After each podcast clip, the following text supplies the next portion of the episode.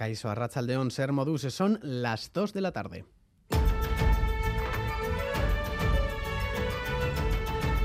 Crónica de Euskadi con Lier Puente.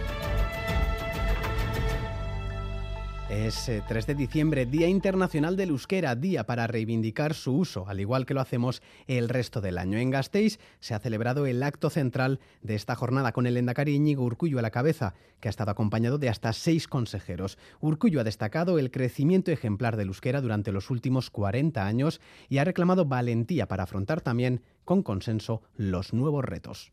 Aurten, berroi urte bete dituen euskararen legea landu, onartu eta bideratu zuten haien ausarri demokratikoa ospatzen du. Ospatzearekin batera, gorazarrea ere egin nahi diegu Euskararen aldeko lanari etorkizun oparo baten bidea zabaldu zioten haiei.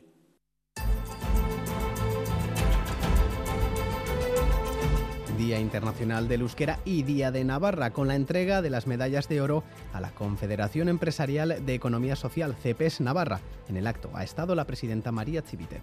Enplegua, aurrerapen iraunkorra, bidezko askunde bateratzailea, hurbiltasuna, inklusioa.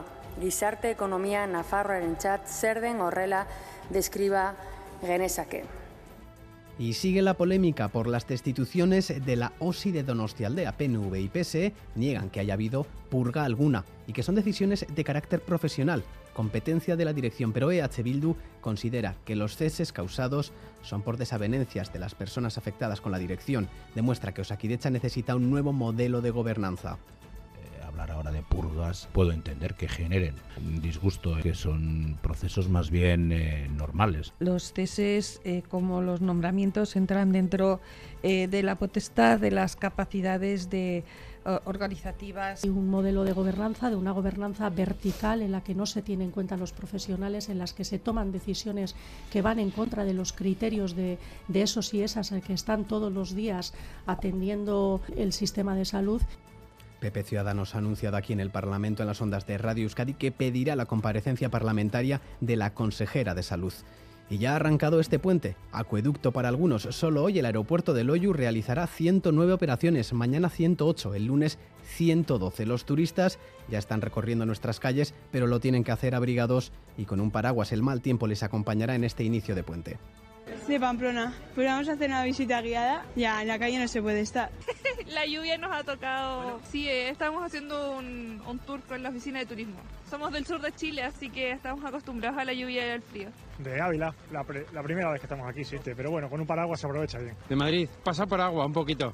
Bueno, es que hemos venido hoy de viaje, hemos cogido un vuelo y volvemos mañana, entonces hay que optimizar el tiempo. Eh, pues nada, tirando de paraguas, si nos mojamos nos mojaremos, no nos vamos a quedar en casa. Por lo que vemos, los turistas están llegando y el consejero Hurtado, Javier Hurtado, el consejero de turismo Javier Hurtado, se ha mostrado optimista. Acompañando con unos buenos datos de turismo, que son los que estamos viendo durante todos estos meses del año, con, una gran recuperación. Somos, de hecho, de las comunidades líderes en recuperación de, de turismo. Hemos subido en los primeros 10 meses del año, comparado con 2019, un 10,3%, con lo cual, bueno, pues contentos y acontecimientos y eventos como este pues siguen contribuyendo en esa dinámica. Ya lo saben, nos encontramos en aviso amarillo por nieve hasta medianoche. La cota podría bajar hasta los 700 metros y ya está generando algunos problemas en las carreteras en Nerea, Inchausti, Arrachaldeón. Arrachaldeón, nieve que ya se deja ver en algunos puertos, incluso en las redes principales de la autovía de Altuve Vitoria. Varios problemas en las carreteras en estos momentos. En la N636, a la altura de Lorrio, sentido Beasain, se ha registrado una colisión entre un camión y un turismo. La carretera está cortada en ambos sentidos y está causando retenciones. Ha habido algunos heridos y los servicios sanitarios ya trabajan para atenderlos. Los accidentes que se han registrado en la AP68 en Urkaburtaitz y en AP8 en Trápaga, en ambos casos salidas de calzada de turismos, están a la espera de grúas para retirar los vehículos de la calzada, pero no están causando retenciones importantes. De madrugada además se activará el aviso amarillo por heladas que se extenderá hasta el lunes. Conozcamos la previsión meteorológica para las próximas horas de la mano de Euskalmet. Mayalen Iza, Arrachaldeón. Arrachaldeón, por la tarde se mantiene el tiempo revuelto y frío. Durante las próximas horas se seguirán produciendo chubascos, sobre todo en Vizcaya, donde a ratos pueden ser algo más intensos. La temperatura no variará mucho y seguirá haciendo frío. Luego, con el paso de las horas, hacia la noche irá remitiendo. Las nubes también pueden ir a menos y podría helar en zonas de Álava y Navarra. En resumen, por la tarde se mantiene el tiempo inestable y frío. Mañana estará más tranquilo y claro. A primeras horas se pueden dar heladas en puntos del interior y en el Valle del Ebro se pueden formar nieblas que pueden tardar en levantar.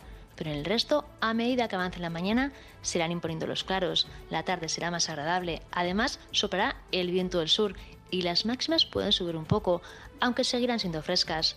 De modo que mañana se irán abriendo claros y la tarde será más soleada. En Gasteiz hay 4 grados ahora, en Iruña 5, en Bilbao y Donostia 7 y en Bayona 12.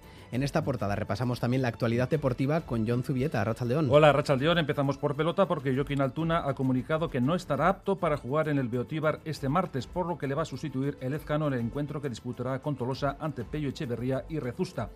En cuanto a fútbol, Liga F, el Barcelona y la Real Sociedad con numerosas bajas se han citado en tierras catalanas donde las Churiurdin han caído en un gran partido. Al descanso se ha llegado con un marcador de 0-1 favorable a la Real Sociedad gracias al tanto de Leguilí. En la segunda parte ha igualado Marta Torrejón en una posición más que dudosa y Bronce ha logrado el definitivo 2-1 en el minuto 89. Enorme partido de la Real Sociedad que ha merecido más y además esta tarde a las 4 el Athletic se mide al Madrid Club de Fútbol en Lezama y un último apunte en el Mundial de Qatar. Países Bajos y Estados Unidos buscan esta tarde a las 4 un billete para los cuartos de final. A las 8 los protagonistas serán Argentina y Australia. Reciban un saludo de todos los compañeros y compañeras de redacción que hacen posible este informativo, también de Paula Asensio y Maitane Bujedo desde la parte técnica. Son las 2 y 6 minutos. Comenzamos.